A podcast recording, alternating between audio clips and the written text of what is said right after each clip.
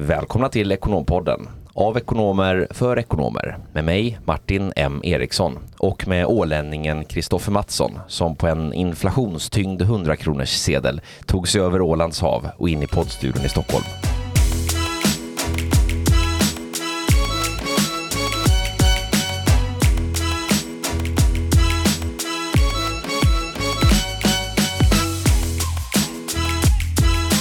Ja, jag tröttnar aldrig på introt. Eh, på tal om 100 kronors sedlar, jag såg häromdagen faktiskt på, på Nyhetsmorgon så Mikael Dahlén gästade och, och så utmanade de Nyhetsmorgons eh, programledare här vad en 100 kronors sedel 1980 kostade. Kan du gissa? 1980, då ska vi se, vad har vi? 40 år drygt.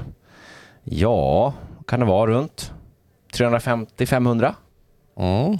Det ligger, lägger oss emellan, 400 kronor. Oj, snyggt. Så ja, det har hänt lite på Ja. 40 år.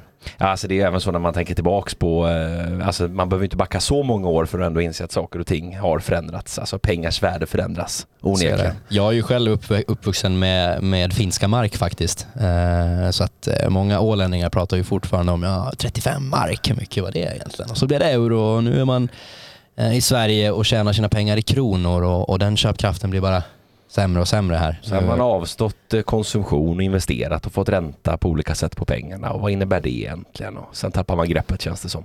Ja, nej, va- vart är det här på väg egentligen? Ja, det är, mer om det ska vi ju faktiskt få reda på idag.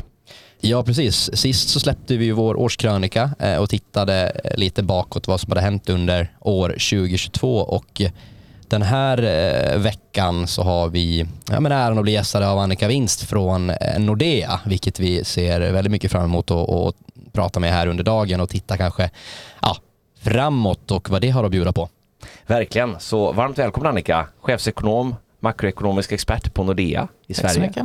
Jättekul att ha dig här. Så här i början på året. Mm.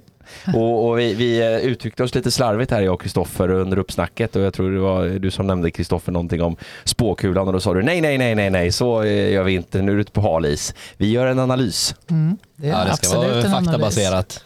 Sen behöver inte den vara rätt, eh, men eh, det ligger arbete bakom. Det var ju som Stefan Ingves hade uttryckt sig någon gång, eh, jag såg ett klipp i SVT där man hade intervjuat honom och så sa de så, nej det är inte så det är, alla gillar att höra om, om analyser oavsett om de är rätt eller fel. Och så svarade han med ett stort skratt och sa, jo men det är precis så det funkar, det, det, man, man vill gärna höra utsagor om hur framtiden är. Eh, sen om de är rätt eller inte, det, det, är, det är inte lika viktigt. Det var hans ord. Fast jag ser det mer som att det handlar om att ge folk eh, verktyg och eh, hantera den, de utmaningar och möjligheter som man har framför sig. Och sen behöver man inte tro på allt jag säger, men man har liksom mer eh, stuns i, i sin egen analys och sina egna reflektioner. Och det, är Mm. snarare, det är ju, finns ju inget facit om, om framtiden, utan det handlar om att ta höjd för dem, det som. Komma Det är nog många experter under det gångna året som har sagt någonting och sen har det blivit någonting annat eh, när vi väl summerade året. Så det är, nog, det är, det är ganska tufft att sitta och ja, försöka sig in i spåkulan. Spåkulan är det ju då inte, eller hur? Ja, jag ville bara kolla att du var med. Jag är med. Vi checkade bara här så här på, så här på eftermiddagen. Nej men jättespännande och det har ju varit många år för dig Annika i, inom Nordea och du har ju haft en fantastisk eh, utveckling eh, och, och blivit ett riktigt, riktigt proffs inom det här området så vi är väldigt glada över att ha dig med här i studion idag. Eh, Du har fått guldklocka också förstod vi. Mm, jag har varit länge på banken. Det är svårt att ta sig därifrån. Ja, det börjar bli en inventarie men det är väl härligt. Eh, och i övrigt då, har du några andra uppdrag som eh, utöver din roll på, på Nordea då som du ägnar dig åt? Jag är väldigt hårt hållen. Jag sitter ju i marknaden och eh, då är det väldigt begränsat vad man får göra. Så att jag har eh, styrelseuppdrag som eh, typ regeringen kan utse mig till och liknande. Så att jag sitter i några forskningsinstitut och det har jag gjort under ganska många år och så brukar jag variera det. Just nu sitter jag sedan sex år tillbaka i tiden i Lunds universitets styrelse, vilket är viktigt. Eh, och jag sitter också i Utrikespolitiska institutets styrelse, vilket också är superspännande just nu med tanke på allt som händer både i Ryssland och Iran och ja, runt om i världen. Mm. Hur, hur hinner man med att eh, omvärldsorientera sig när man har en sån roll som du har? Supersmarta kollegor. Eh, nej, men eh, ärligt talat, man kan inte göra mitt jobb själv. Eh, man, måste vara, man måste vara många, man måste ha smarta människor runt sig och duktiga människor runt sig. Och det brukar jag faktiskt säga, jag pratar ganska ofta på universitet och högskolor till de som är unga, att bygg nätverk, det är det absolut viktigaste. Om man ska leta, och det kan man göra även som, som ekonom, även när man har börjat jobba, att se till att ha ett nätverk av människor som man har stort förtroende för vad de gör, men som inte är lik dig själv. Då blir ett plus ett fyra istället för två. Och, och så jobbar jag hela tiden. Sen är ju ändå så att erfarenhet gör att man lär sig vad ska jag läsa, vad är viktigt, vad är inte viktigt och så vidare. Det är ändå härligt att höra en nationalekonom som tar mitt, min kära käpphäst. Jag brukar säga ett plus ett är lika med tre när man jobbar med team och teamutveckling. Och här har vi ändå en, en, en, en, en chefsekonom för en av Sveriges storbanker som uttrycker ett plus ett är lika med fyra när man jobbar med teamutveckling. Så det, det är ljuv musik här i, ja, i våra bra. öron. Det är bra. Du kanske kan få börja hos oss. och det känns ju fantastiskt kul att, att, ha det här också med den titeln chefsekonom så det är allra högst relevant för alla eh, våra ekonomer där ute. Så det här ser vi verkligen fram, fram emot. Och vi tänkte väl plåga dig precis som alla våra gäster som får besöka oss här i Ekonompodden med våra fem snabba. Shoot. Ja, men vi har ju förstått att eh, ja, men både eh, det du jobbar med till vardags och sådär så blir det en del resor. Eh, och då tänker vi förstås att du ska få svara på vilken är den charmigaste platsen i världen som du har besökt. Eh, oj, eh, det beror ju lite på hur man tänker. Om jag bara får välja ett enda ställe där jag skulle vilja leva och vara länge för det är nice, då skulle jag nog säga Sydney. Det är en fantastisk stad och ett fantastiskt land. Tyvärr utmanas det rätt ordentligt av klimatet så man ska åka dit nu tror jag. Eh, men eh, om jag ska tänka mer jordnära vad jag är här och nu då väljer jag nog eh, skogen på Ingarö där jag hämtar min energi. Bra svar. Sydney och Ingarö. Mm. Härligt. Ungefär samma klass. Vi har ju fått veta också att du, eh, att du kommer ifrån en eh, uppvuxen i en familj med högt i tak och man pratat mycket om eh, alltså omvärlds, vart omvärldsorienterad och politiskt insatt och så vidare. Så nu när du bejakar och liksom tittar på allting som händer i omvärlden, amerikansk eller brittisk politik, vad är mest underhållande? Ja, alltså det är nog ändå britterna som har varit värst. USA har ju varit lite mer scary faktiskt. Ja. Eh, Storbritannien, ja det är ju sorgligt men man, man kan ju också skratta. Lite tragikomiskt nästan. Ja, ja, jag brukar tänka att det var tur att inte drottningen behövde se allt. Ja. ja, det är bra. Eh, vi går vidare. Eh, vi pratar lite ja, men inflation och valutor tidigare. Jag är uppväxt med mark och, och sedermera eh, euro. Eh, och hur ser det ut för, för, din del då om du behöver välja eh, kronor eller euro? Vad, vad, vad faller du på? Mm, ja, det beror på vad, vad är poängen. vad, ska jag, vad ska jag tänka? Alltså kronan, om man ska tänka stabilitet, eh, ja, men då är det euron.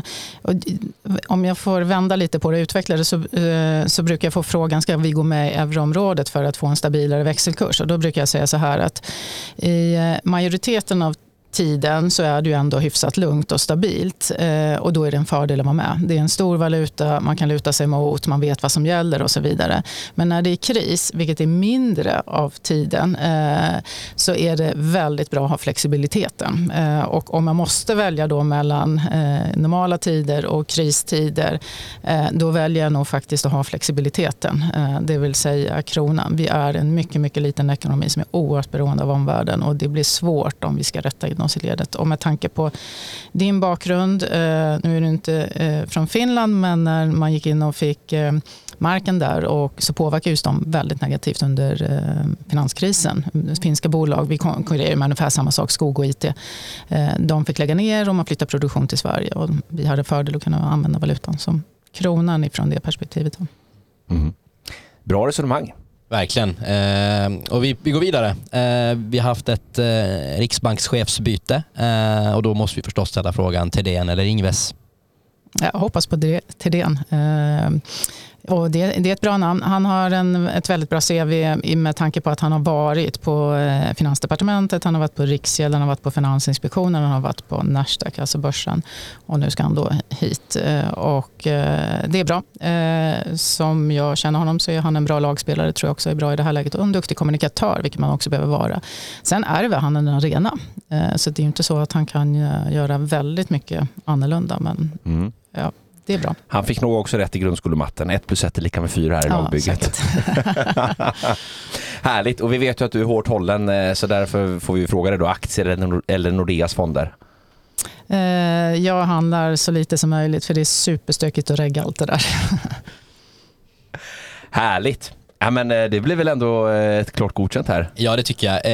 Fem snabba kanske det inte var, men det var väldigt krångliga frågor också. Så att, bra, bra och godkända svar.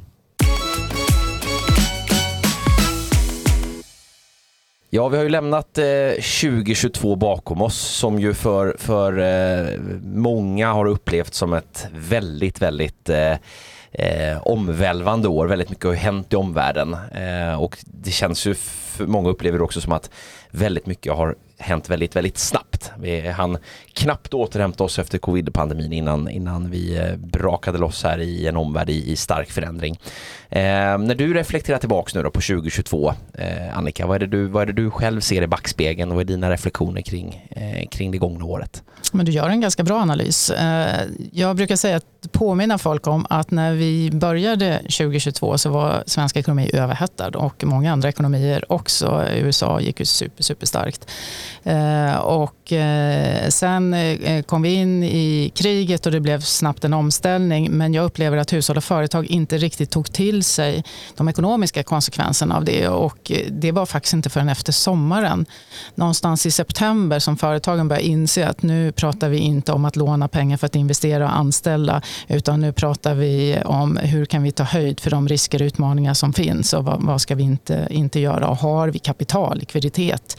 Alltså en helt annan frågeställning. Och sen beror det lite på vilken bransch man är i, hur det där har eskalerat, där eh, man påverkas olika. Och sen har ju det blivit mer och mer av det och eh, vi går nu in i det här året, eller gick in i det här året med eh, eh ganska stora utmaningar framför oss. Så en väldigt snabb förändring och det är först nu i slutet av det förra året som hushållen insåg att shit, det här kommer också beröra mig. Mm. Jag träffade ganska många företag som sa i våras när jag började prata om att nu behöver ni ta höjd för att det ser sämre ut. Som sa, ja men jag hör vad du säger men inte vi, vi har väldigt bra orderböcker och vi har det här och det här. Och, mm. och det, du pratade lite innan om hur man ska titta på eh, prognoser och så vidare. Men min erfarenhet är, och jag har hållit på väldigt länge, det är att när jag kommer eh, från eh, dåliga tider och säger att det ska bli bättre, då ser man hur företagen sitter och nickar, mm, jättebra, men känner igen det här, det passar perfekt med mitt företag.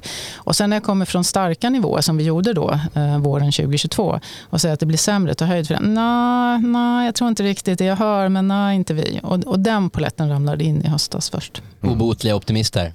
Ja, det kanske man måste vara som företagare, så det är inte fel. Men man behöver också vara ödmjuk och ta höjd för det som, som komma ska. Ja, och som du uttryckte det väldigt bra. Jag ställde frågan till dig förut idag också. Just, eller vi pratade om det här med, med, vad, gör man, vad gör man med analysen och vad är syftet med den? Vi pratade om det lite uppsnacket och just att, eh, att det är ett verktyg för att kunna underbygga sin egen analys. För att alla företag, verksamheter, individer har ju olika förutsättningar.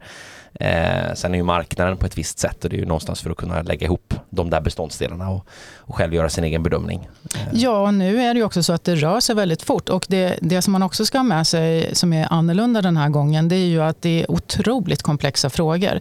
Alltså helt plötsligt behöver man börja sitta och tänka på vädret.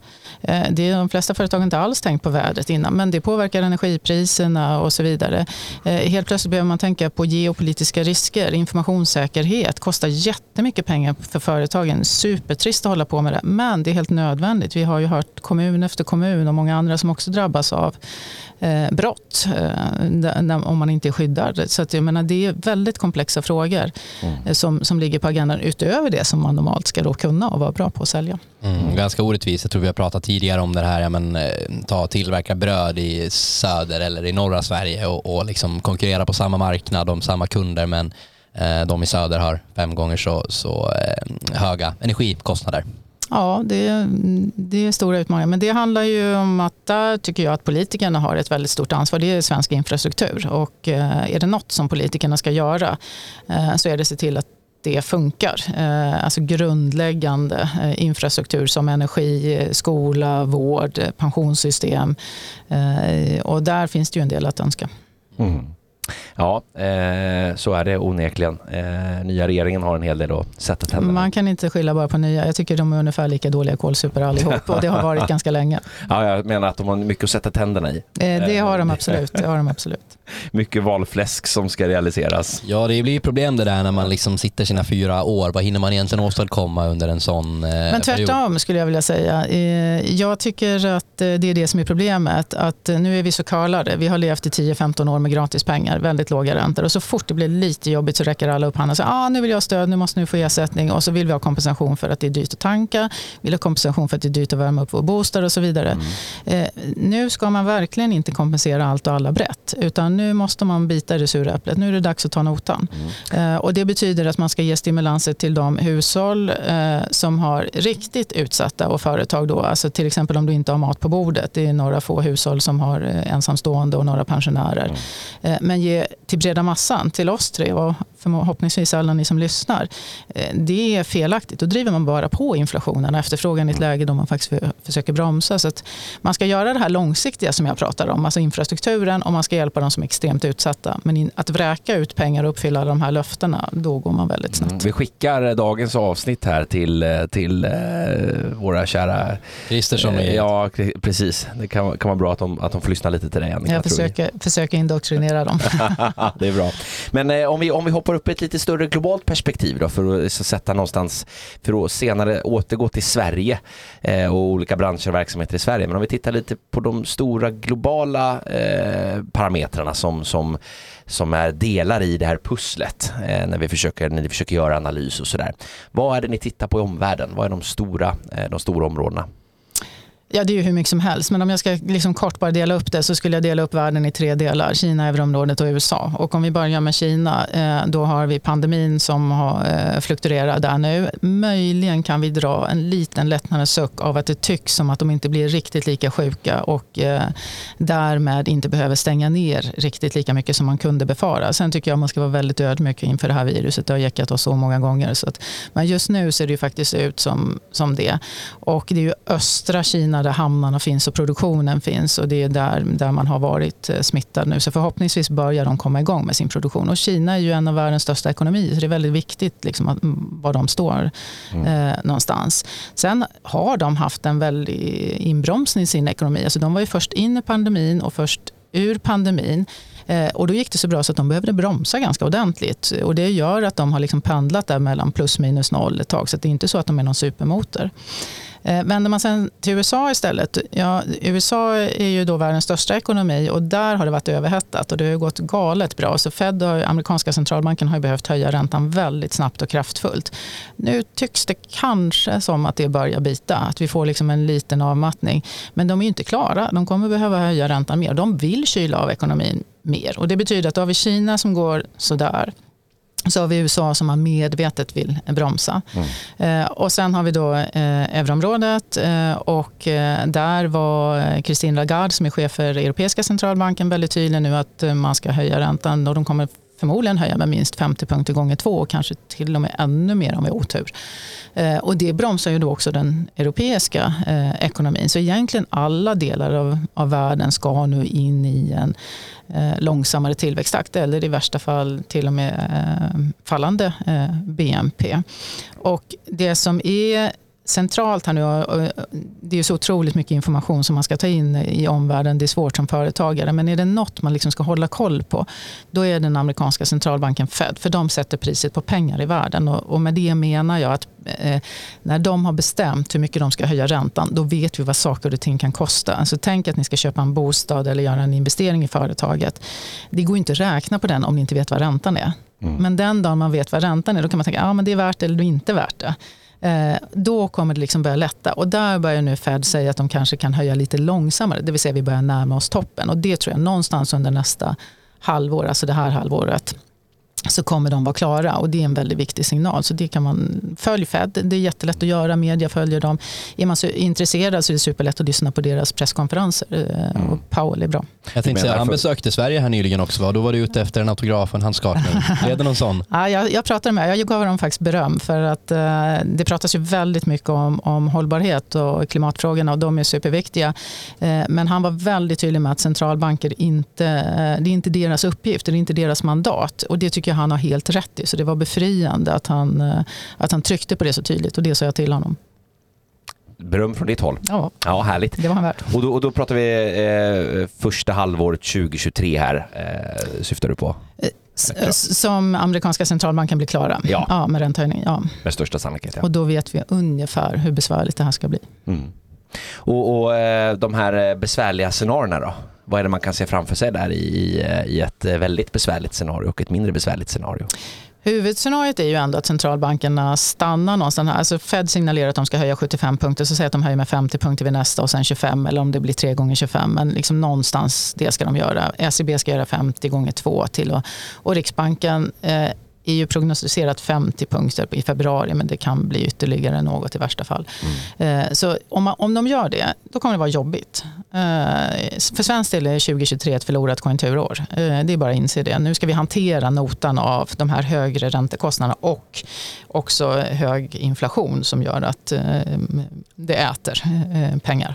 Och, och det, det kommer vara jobbigt. Några kommer bli arbetslösa, en del kommer gå omkull om igen. Det kommer se lite olika ut på olika branscher. Vi kanske kan komma tillbaka till det. Jag antar att ni har lyssnare från, från flera olika segment.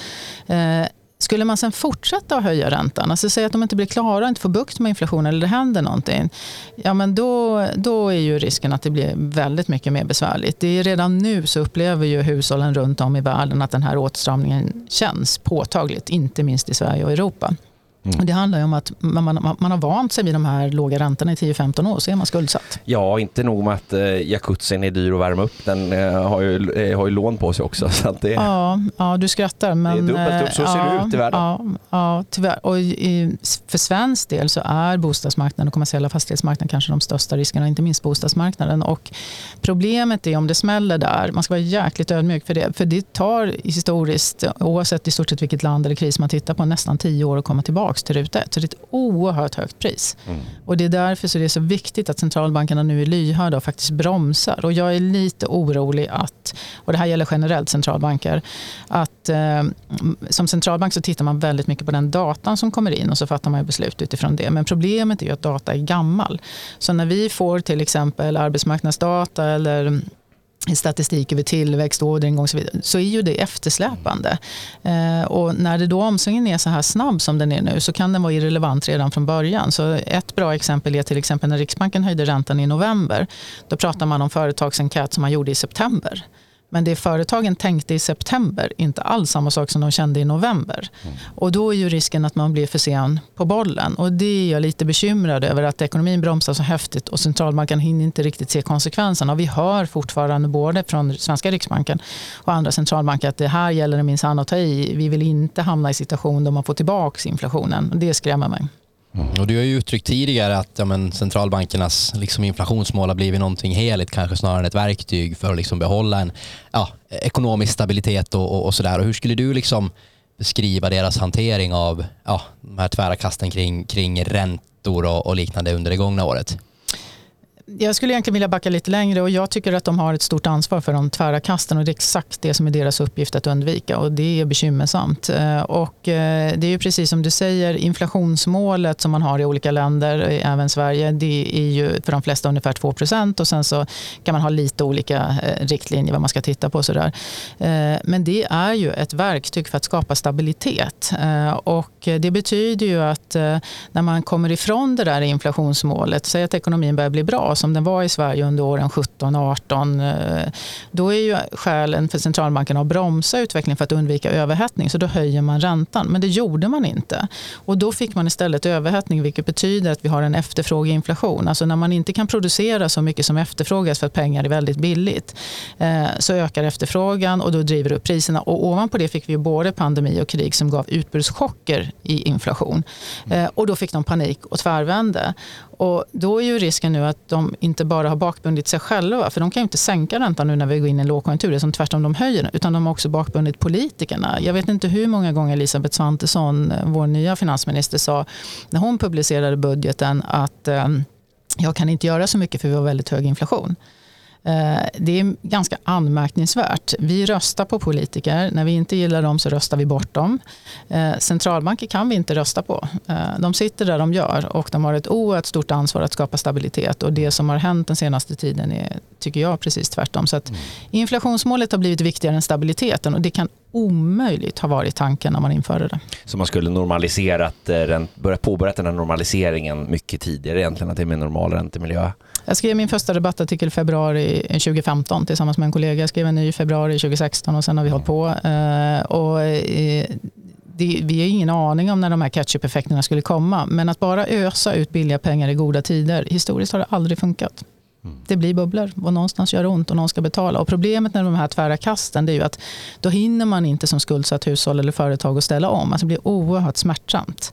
Och då kan det också få samhällsekonomiska konsekvenser. Har vi otur och blir så illa att vi faktiskt får en riktig jobbig sättning på bostadsmarknaden ja, då kommer det ta väldigt lång tid och då kommer det påverka andra delar av ekonomin också. Mm. För de som inte har hängt med i, i, eh, Riksbankens eh, så att säga, argumentation för sina beslut när det gäller eh, räntebesked och sådär. Vad har argumentet varit då för att dröja så pass länge från deras håll?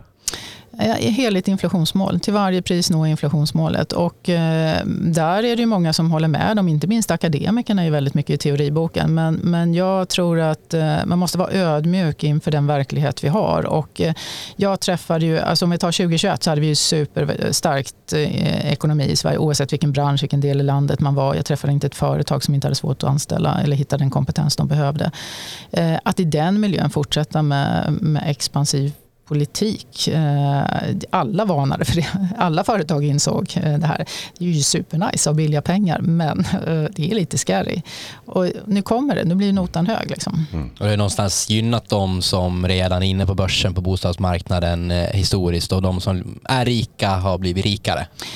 Ja, eh, det är ytterligare en aspekt till varför centralbanken inte ska vara här. Man pratar ju om olika sorters politik. Vi har penningpolitiken, det är det som Riksbanken håller på med eh, för att stabilisera ekonomin och hålla inflationsmålet. Och sen så har vi eh, strukturpolitik och det är det som jag pratade om innan om att eh, Finansdepartementet ska göra reformer så Sverige är mer konkurrenskraftigt i framtiden, alltså infrastruktur och så vidare. Men sen har man fördelningspolitiken och den ligger hos regeringen. Det vill säga att man fördelar om hur vi röstar. Så röstar vi lite mer höger så blir det lite mindre omfördelning och röstar vi lite mer vänster så blir det normalt lite mer omfördelning. Nu har Riksbanken tagit hand om även fördelningspolitiken.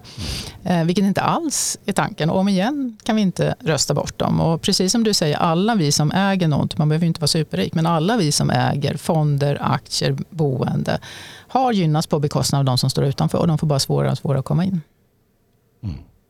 Det gynnar ju inte en, en eh, en eh, normal fördelning i samhället om man säger så heller. Det blir ju svårare, en tuffare utmaning. Ja, men det är inte deras tillbaka. uppgift. Eh, eh, som jag sa, jag gav Powell, Feds chef, beröm för att han inser att de har inte på mandat att eh, agera för klimatet utan att skapa stabilitet och inflationsmålet. Mm. Och Riksbanken har inte mandat att hålla på med fördelningspolitik. Mm. Sen är vi förstås nyfikna. Eh, liksom din, nu har Stefan avgått här efter 17, Stefan Ingves avgått här efter 17 år. Är det, eh, ska man sitta så länge som, som riksbankschef och liksom om du skulle ge någon form av eh, betyg? Eh, Nej, det tror jag inte är lämpligt för någon. Men det är ju absolut inte Stefan Ingves fel. Det är ju fullmäktige som inte har gjort sitt jobb.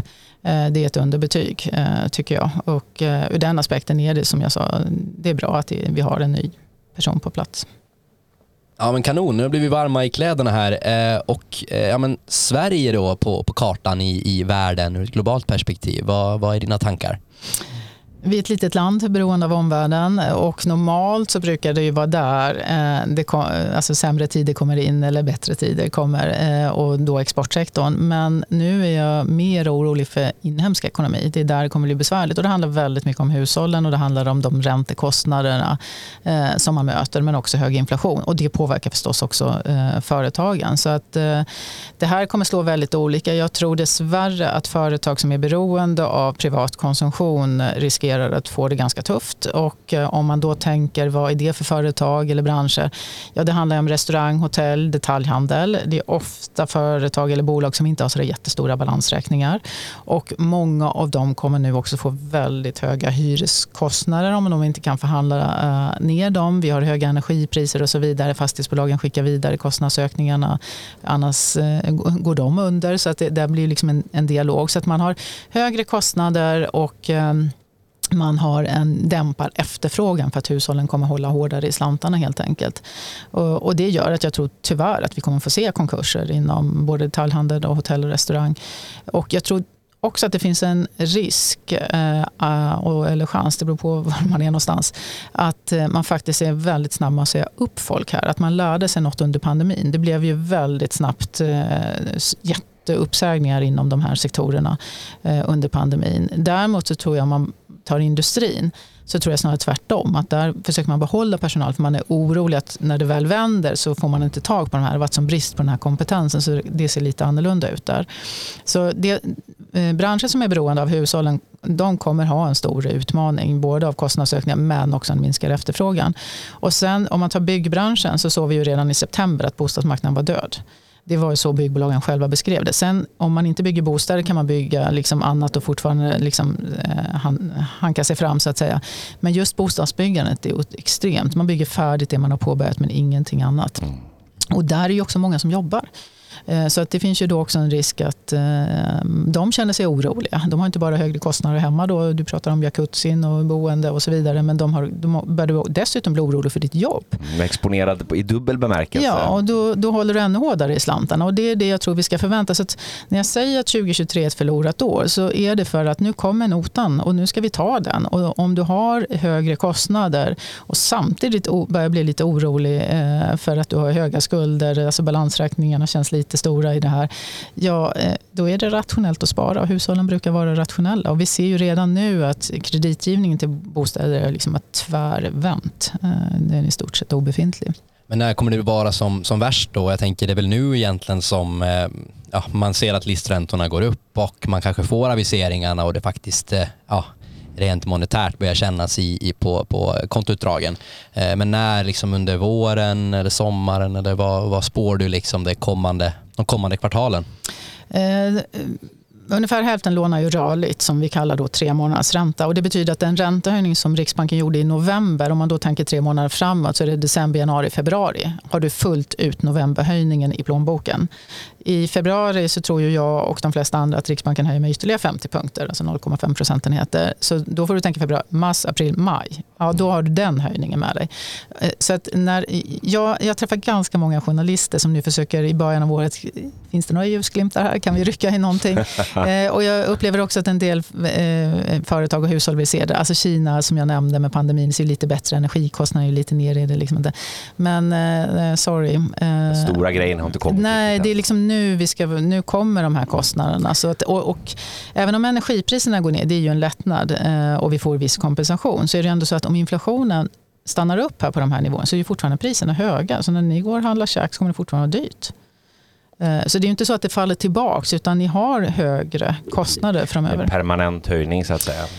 Ja, det beror ju på om det blir så illa att man börjar sänka priserna, men där är vi ju inte eh, Nej. ännu. Så att jag, jag, tror att man ska ta höjd för att det kommer att bli besvärligare innan det blir bättre. Det skapar en stress och det finns redan de som är stressade av att det är jobbigt och besvärligt nu. Ska du dessutom börja bli orolig för ditt jobb, ja, då har du ytterligare. Så att, och, och den bemärkelsen är 2023 förlorat år. Och sen hur länge det varar, det beror ju på om centralbankerna går vidare eller om de är färdiga. Och då, I bästa fall så kanske 2024 blir liksom typ sidledes, men inte ja, mm. mycket bättre. Men om, om vi då har den här avkylningen eh, rent liksom konsumtionsmässigt i Sverige eh, baserat på, på det som vi beskriver här då, och alla de här effekterna med, med prishöjningar och annat. Man tänker naturligt när man då stannar av med räntehöjningarna, när, när kan vi förvänta oss att inflationen relationen faller tillbaka till lite mer normala nivåer? Det, ja, men det kommer den göra. Eh, det kommer den göra. Eh, men som jag sa, det kommer ändå vara dyrt för dig för man sänker inte priserna. Nej. Men det är ju ganska mycket som talar för att inflationen ska falla. Nu börjar vi jämföra med de där jättehöga siffrorna. Alltså energipriserna ska ju ur. Och energipriserna, det är ju ändå så att vi har klarat rätt stor del av vintern. Vi har några månader framför oss, men man har också byggt lager. Så jag, jag, för varje dag som går känner jag mig mer safe med energipriserna. Så att det kommer liksom att falla ur. Och, och rätt mycket av de andra priserna steg också väldigt mycket när kriget kom. Ni tänker livsmedelspriser, ni kommer ihåg diskussionen med Ukraina och spannmål och mm. konstgödsel och allt sånt där. Eh, man kan inte fortsätta höja hur länge som helst. Någonstans viker efterfrågan och så liksom börjar det bli klart. Och jag tror att man har höjt rätt klart. Alltså, no, grovt så har vi kanske passerat toppen i, i bästa fall. Eh, men när Riksbanken står där i februari och ska sätta ner foten vad gäller räntan så kommer fortfarande inflationen vara långt, långt, långt över målet. Och då är det inte så himla lätt att säga att vi är klara även om man vet att det i juni ser mycket bättre ut. Mm. Nej, precis. Vi får se vad, vad Tidén, eh, hur han, hur han tar direktionen med sig då. Den här första, hans, deras första sammanträde. Mm. Hans första sammanträde. Mm. Och sen är det väl inte helt otänkbart att det kan komma ytterligare någon höjning under våren, under april eller liknande. Jag hoppas du har fel. Eh, Jag tror inte svensk bostadsmarknad tål så där supermycket mer. Det vore väldigt bra. Men om det visar sig att ECB höjer mer än 50 gånger 2, då ökar trycket på Riksbanken. Då får vi kroneffekter av det. Eh, Alltså när andra centralbanker höjer mer än vad vi gör, då är det ju attraktivare att eh, köpa deras valutor. Eh, Och då försvagas kronan så importerar vi mer inflation. Och jag tycker att Riksbanken ska strunta i kronan. De kan inte betta mot andra centralbanker. Vi är ett pytteland. Ska de börja försvara kronan kommer de göra fruktansvärt våld på svensk ekonomi och Mm. bostadsmarknad. Mm. Så då är det bättre att bara acceptera att vi har en svag krona. Och jag förstår att det är några som lyssnar nu som tycker jag svär. Eh, Men eh, Sett till helheten. det går inte att vinna det racet. Och sen ska man också eh, vara ödmjuk. Nu vet jag inte vilka som lyssnar här, men om man tar detaljhandeln till exempel, de importerar ju allting. Då är ju kronan besvärlig. Eh, det är exportindustrin som gynnas av nuvarande läge. Mm. Jo men så är det. det är ju, eh, alla sitter ju liksom i, i eh, den enes död, den andres bröd finns ju talesätt som heter och det, det är ju så när vi pratar ekonomi också. eh, I, i alla, det finns olika branscher och människor som är exponerade på olika sätt och jag menar de som står utanför bostadsmarknaden har ju snart världens köpläge och andra som är överexponerade har ju kanske en, en lite tuffare tid framför sig. Världens köpläge, okej. Det kommer du få äta upp. Ja, men, om, ett ta- om ett tag tänker jag, inte ja, än. Ja, det är bra när Men man aldrig om- ser några tidsramar. Nej, så det var det jag sa. Jag tänkte mer kom, kom, i, någonstans kommer det vara det. Ja, men jag skulle vilja säga vi är inte klara. Om vi ska prata bostadsmarknad så skulle jag säga att eh, även där är det ju så att högre räntor skapar stress i systemet. Och, eh, vi gjorde en prognos eh, innan det var klart att Riksbanken skulle höja så här mycket och då hade vi 20% ner från topp till botten. Det är väldigt mycket och risken är då på nedsidan. Eh, det har gått ner ungefär 15 så det är en hel del till. Och jag Mm. tror att vi kommer få se en del som har försökt att hålla på sina bostäder under hösten för de tyckte det var för dåliga priser. Men man kan inte vänta hur länge som helst och då får du ut ett utbud därifrån som gör att eh, jag tror att det är först till sommar som kanske har någon, någon form av stabilisering och då beror det på hur tilltufsade hushållen är. Är du orolig för ditt jobb då, då köper du inte en ny bostad. Mm. Och alla som sliter sig i håret nu då och funderar om de ska eh, binda sin, eh, sin ränta eller, eller inte. Vad, vad ger du för stalltips till dem då? Eh, det har varit helt självklart att binda sin ränta väldigt lång tid för räntorna har varit så låga. Eh, och eh, det, var, det var ganska många som lyssnade på det men nu är det väldigt mycket svårare. Nu är det, det, jag skulle säga att det fönstret är rätt så stängt.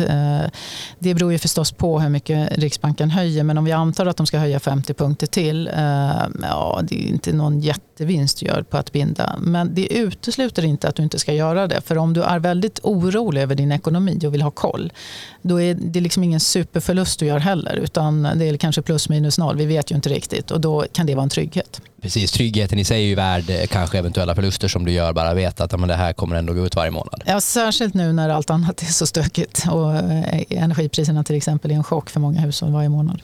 Mm. Och vad tror du om, eh, vi pratar om, om kronan i förhållande till kanske euron då, vad, eh, hur, hur illa, hur blodigt kan det bli för oss kronägare? Ja, allt annat lika när eh, centralbankerna är klara, om inte Riksbanken då avviker väldigt mycket från ECB, då är det ju mycket som talar för att vi borde ha en starkare krona. Och eh, det har vi då sagt i evigheter, eh, för att Sverige är bättre än euroområdet. När man gör det här, när man som makroekonom gör den här sortens analys så jämför man ju olika länder. Så att om ni tänker så här, Sverige kontra euroområdet, vilket land är liksom bäst? Flexibilitet, Sverige. Outstanding struktur, Sverige. Vi har gjort vår hemläxa. Även om jag klagar på våra system så är de ännu värre i Europa och så vidare. Konjunkturellt, Sverige bättre. Så att, eh, det, det talar ju för kronan. Men varför ska man köpa ett litet pytteland när det är superstökigt som dessutom har en inhemsk risk i sin bostadsmarknad? Många av investerarna sitter i Asien De kan inte skilja på Norge, och Danmark och Finland De vet att de ska investera i Norden. Varför ska vi ta det här landet? Nej tack. Jag som jag var på en resa i, eh, i Dublin så var det en kille som frågade Where are you from? Uh, we're, we are from, um, uh, from Sweden. Yeah, I know, I know, I know. Geneva is a capital, right? det, det säger ju en del om, om kollen. Mm. Ja, nej men spännande. Ehm, om man eh, sitter som ekonom då där ute eh, på eh, ett företag eller i någon form av Eh, roll med en påverkan eh, där man ska ta och fatta beslut och förhålla sig till det här. Vad, vad har du för, eh, för stalltips nu eh, i det här konjunkturläget och osäkerhetsläget som vi befinner oss? Mm. Eh, för det första skulle jag säga att det är ju väldigt olika var man är nu. Nu hann vi inte prata så mycket om, om exportindustrin men det är ju en viktig del, alltså industrin i Sverige. De, de har bättre förutsättningar än den inhemska ekonomin så det beror lite på vilken hatt man har på sig. Men när allt rör sig och det är väldigt komplexa frågor och som jag sa, frågor som man egentligen inte normalt tänker på som väder och energipriser och så vidare. Eh, då måste man vara supersnabbfotad. Så mitt bästa råd är att man i ledningsgruppen och ni som ekonomer då har ett stort ansvar ses mycket oftare än vad man brukar göra. Och att man vet vad triggerpunkterna är. Alltså var gör det ont om det går snett? Och det beror ju på vad det är för företag. Men eh, det kan ju vara kronan som kanske är känslig. Det kan vara räntan som kan vara känslig. Det kan vara likviditeten som är känslig. Och alla de här så kommer ekonomen in. Mm. Eh, ni måste ha stenkoll på var är smärtgränsen och ni måste bestämma vad ska ni ur. Eh, och oftast om ni tänker på när ni ska investera i börsen till exempel, eh, då är det, ju, då är det ofta så att man väntar lite för länge det är exakt samma risk när man är företag. Att ah, men shit vad dyrt det var. Nej, men det kan ju inte bli värre, vi väntar lite till. Det är väldigt farligt. Bestäm var gränsen går, håll er till gränsen, prata oftare med varandra i ledningsgrupp och stäm av det här hela tiden. I värsta fall har ni slösat bort er tid på att ni har varit förberedda. Eh, men det är ett väldigt litet pris jämfört med att inte vara förberedd när det händer. För då kommer det gå så fort att man inte har en chans att hantera det. Mm. Så det är jättestora krav på ledarskap eh, nu. Mycket, mycket större än vad det har varit. Och eh, jag brukar ta som exempel att om att vara företagsledare i, i bolag när räntan är låg och priserna stiger och kön är lång Ja, det är så det har varit i tio år. Det är ganska enkelt och folk tycker att de har gjort superbra grejer och är väldigt smarta. Men det är ju något helt annat att vara företagsledare när priserna på det man säljer eh, faller och kön är borta och räntan är dyr. Precis, det är ju det, är det här resultatet folk pratar om. Det måste ju benchas mot marknaden. Det är ju samma sak, ah, jag har gjort en så bra fastighetsinvestering här. Ja, men hela marknaden har gått upp 30 procent. Ja, du har ju gjort 20 procent på den här affären under mm. samma tid. Så hur bra var det egentligen? Mm. Det, det, det, är ju, det är ju faktiskt det som är det. Man blir inte så populär när man påtalar sånt. Men... Nej, men det, är, det är ju intressant. Nu är det ju ekonomer som lyssnar, de har ju redan tänkt. De har ju redan tänkt det, men alla har ju inte det. Eh, men, men det stämmer, kanske framförallt en del av ens eh, eh, bekantskaps... nu ska vi inte hänga ut någon här. Hänga ut någon här exakt. Men, men, eh, nej, men så är det faktiskt. Det, man måste, precis som du är inne på, sätta det i relation till. Och det är ju mm. samma i tuffare tider. Det ska man ju komma ihåg att det, det kan ju vara nedgångar i, i, i, alltså i bolagens eh, omsättning och annat och att man har en, en, väldigt tuff tid. Men har vi klarat det med en finansiell stabilitet och annat och liksom lyckats försvara vissa av våra andra grundläggande komponenter i bolaget så kan man ändå tycka att vi gjort ett bra jobb fastän vi inte har fastän vi har haft en nedgång i verksamheten. Så, så att det ska ja, framförallt, till... det finns liksom möjligheter nu också. Nu pratar vi mycket om, om problemen och utmaningarna. Men, men glöm inte att många företag gör sina absolut bästa affärer i dåliga tider. Mm. Och vem är det som gör dem? Ja, det är de som är förberedda. Alltså de som har byggt balansräkningar, de som har likviditet, de som har koll på sina risker. Du pratar om den ena stöden, den andras bröd. Det kommer finnas företag som går omkull nu. De kan andra köpa upp. Eh, det kommer finnas superbra personal som helt plötsligt blir ledig. De kan de som är kvar. Eh, ja. Och ett problem ytterligare med den här expansiva penningpolitiken är att den har gjort att vi inte har fått strukturomvandlingar. Och strukturomvandlingar är väldigt viktigt i samhället och det betyder ju att de företag som egentligen inte är konkurrenskraftiga har klarat sig för att man har fått stöd och väldigt låg ränta. De har inte klarat sig i normal miljö. Då tar de resurser från de som är konkurrenskraftiga. Det vill säga både vad gäller arbetskraft och kapital. Nu kommer en del av dem försvinna och då kommer det kapitalet och den arbetskraften söka sig till de bolag som är konkurrenskraftiga. Det, den processen måste hela tiden pågå i samhället för att öka produktiviteten och utvecklingen och det kommer nu hända. Mm. Och det, precis, och det, det, är någonting jag brukar prata om det också just generellt sett med tuffare tider och, och utmaningar i konjunkturen just att det, det är ju där man sår de, de stabila bra aktörerna från de mindre stabila bra och, just så här, sunt företagande och annat som man kan börja prata om där också. Har du en sund och en hållbar affär, men då klarar du det också genom, eh, genom tuffare tider på ett, på ett bättre sätt. Och... Det, det, det, gör man absolut, men det kommer dessvärre finnas branscher som kommer vara ganska eh, utmanande även om de är bra företagare och så vidare. Eh, tyvärr, när man går in i, i sämre tider. Mm. Det, det, måste man vara ödmjuk för. Men då behöver man också tänka över hur hanterar vi det här på bästa möjliga sätt. Och man kanske kan bli uppköpt av någon och få komma ut liksom med, med hedern i behåll. Mm. Och förhoppningsvis så har ju eh, ledare och ledningsgrupper och eh, ekonomer också lärt sig väldigt mycket av den här snabbfot, det här med att vara snabbfotad som du pratar om just efter, efter pandemin också. Så det är ju... Alltså jag måste, jag måste säga att jag är förvånad över hur lite förberedd man är på många håll och kanter. Kompetenta människor som inte riktigt, jag sa ju det innan, man vill inte riktigt ta till sig när det blir sämre tid. Jag skickar en varning till alla er som lyssnar. Mm. Eh, var inte den där som Precis. tror att ni klarar det och att ni är snabbfotade och ni tänkt igenom att ha koll, utan gör hemläxan en gång till. Här skulle, här skulle, här skulle vi inte hänga ut någon, men här gör vi det. Nej, men det, det, är väldigt, väldigt lätt att vara, eh, vara där och eh, ja, det, det priset kan bli väldigt högt. Mm. Så ta eh, en eh, dubbelcheck på hemläxan innan inlämning helt enkelt. Eh, ja, det kommer löna sig. Det, mm. det är jag övertygad om. Mm. Och för den som ska in nu då på bostadsmarknaden och på, kanske på börsen också, när, när eh, når vi bottom och när ska man skyffla in? Ja, det beror ju på. Om man tar bostadsmarknaden så beror det lite på. Om man säljer och köper på samma ställe, ort, så är det liksom, ja, inte lika stor issue. Eh, den riktigt stora utmaningen är ju de som inte har en bostad och ska köpa på dyra orter som till exempel storstäderna eh, där det är mycket pengar som ska in. Då hade jag väntat. Jag hade varit ödmjuk och jag hade väntat åtminstone till sommaren och sen får vi se lite grann vad vi får för information eh, där. Och vad, vad sa du, börsen? börsen? Ja, det är egentligen inte riktigt eh, min profession. Men om man tar på sig makrohatten utifrån det här perspektivet, då skulle jag säga att de här räntehöjningarna som jag har pratat om, säg att det blir ungefär det som är prissatt i marknaden. Då tror jag att marknaden, aktiemarknaden har tagit höjd för det hyfsat mycket. Men inte för konjunktureffekterna. Alltså lägre efterfrågan påverkar ju företagens mm. vinster. Mm. Och om igen bestämmer då centralbankerna priset på pengar. Vi kan börja räkna på börsen när vi vet vad räntan ska vara. Så om de stannar någonstans här i vår, ja, men då kan 2023 vara ett förlorat konjunkturår men börsåret ändå bli okej okay, för de tittar framåt. Om centralbankerna fortsätter ännu längre och trycker in oss i någon riktig disaster konjunkturellt, ja, då är väl börsåret också kört. Det är inte min prognos. Precis, bara reflektion. Jag såg hur du liksom bara, luft. Reflektion. ja, och det är ju men... så, vi ekonomer ska ju vara rationella men det är ju inte alla som är det i dessa tider. Man kanske blir känslofigurer också när det är oroligheter och, och hög förändringstakt. Det är svårt att vara rationell när det gör ont. Ja, men avslutningsvis, då, nu har vi ju fått eh, härliga stalltips till, till ekonomen och, och, och sådär. Och då tänkte vi förstås, eh, vi är nyfikna på om du skulle ge eh, ett, ett respektive till Thedéen då när han eh, nu har eh, gått in i sin nya roll och även eh, Ulf Kristersson. Vad, mm. vad skulle det vara? Mm. Då börjar jag med Riksbanken och då ska jag säga var ödmjuka. Eh, det går, omsvängningen går väldigt fort nu eh, och det är farligt att rusa för fort. Då är risken att man trycker in oss riktigt dåligt. Så att, eh, var ödmjuka och tänk inte att ni ska försvara kronan för då kommer det kosta för mycket. Mm.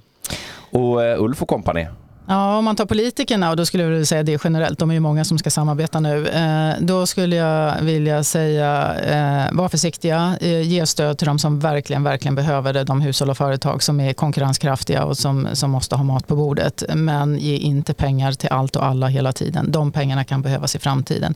Och sen försök att komma överens brett om de stora frågorna. Vi, näringslivet, ekonomerna och deras företagsledningar behöver veta hur ser svensk infrastruktur infrastruktur ut? Hur ser svensk energi ut? Hur ser eh, försörjningen av ingenjörer ut? Eh, I, inte ett halvår utan de närmsta 30 åren. Mm. Den sortens riktlinjer är väldigt viktiga för att man ska välja att vara i Sverige som företagare och entreprenör. Och det skulle jag säga är politikernas absolut viktigaste uppgift. Hur får man människor att välja Sverige? Eh, då, då tänker jag på de smartaste studenterna, jag tänker på entreprenörer, jag tänker på riskkapitalet, jag tänker på företagarna. Varför ska man vara här? Det är politikernas uppgift att skapa en, en sån miljö att det blir en självklarhet att söka sig hit. Då kommer de göra det och då kommer vi ha väldigt bra förutsättningar. Mm. Och en stark krona. Absolut. Det räcker inte med Visit Sweden på webben helt enkelt. Inte riktigt. Nej. Ja, men fantastiskt. Eh, stort, stort tack Ja, nu satte vi kronan på verket tycker jag. Jättebra avslutning. Ja, verkligen. Stort tack Annika Winst för att du har varit här och gästat oss idag. Vi är glada över det och eh, får ju önska en eh, god fortsättning på det här spännande 2023. Mm, tack så mycket och jag säger lycka till till alla er där ute. Tusen tack. Tack, tack. Ha det gott. Hej. Hej.